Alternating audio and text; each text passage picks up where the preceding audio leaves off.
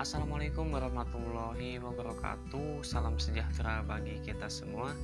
Apa kabar teman-temanku di mana pun kalian berada? Semoga kita senantiasa dalam keadaan e, sehat walafiat gitu ya. Sebelumnya perkenalkan dulu saya Muhammad Nasrul Dari kelompok 4 mata kuliah kriminologi.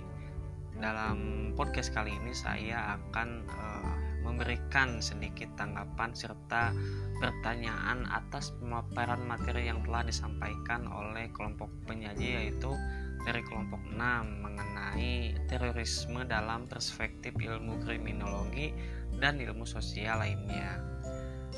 Jadi terorisme ini diartikan sebagai tindakan kekerasan ataupun ancaman untuk melakukan e, tindakan ke kekerasan yang ditujukan kepada sasaran acak, yaitu tidak ada hubungan langsung dengan pelaku yang berakibat kepada kerusakan, kematian, ketakutan, ketidakpastian, dan keputusasaan massal. Terorisme ini dilakukan oleh pelaku kejahatan yang tergolong profesional, produk rekayasa dan terbukti cakap, terorganisir serta didukung dengan dana yang cukup besar gitu ya. Maka tindak pidana terorisme ini dapat digolongkan sebagai uh, kejahatan yang luar biasa sehingga menjadi uh, perhatian dunia saat ini gitu. Terorisme telah menimbulkan korban jiwa gitu dan kerugian harta benda ataupun kejahatan terorisme juga telah e, merusak stabilitas negara terutama di bidang ekonomi, pertahanan dan keamanan.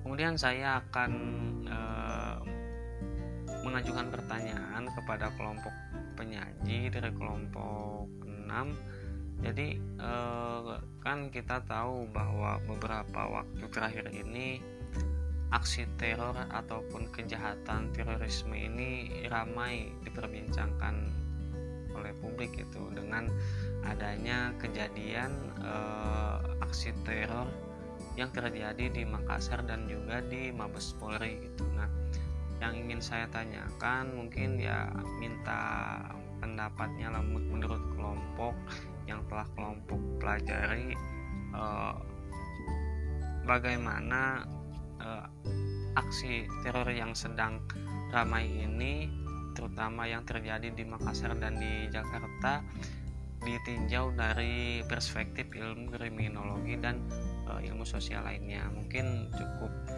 uh, sekian tanggapan serta pertanyaan yang dapat saya sampaikan. Mohon maaf bila ada kesalahan dan wassalamualaikum warahmatullahi wabarakatuh.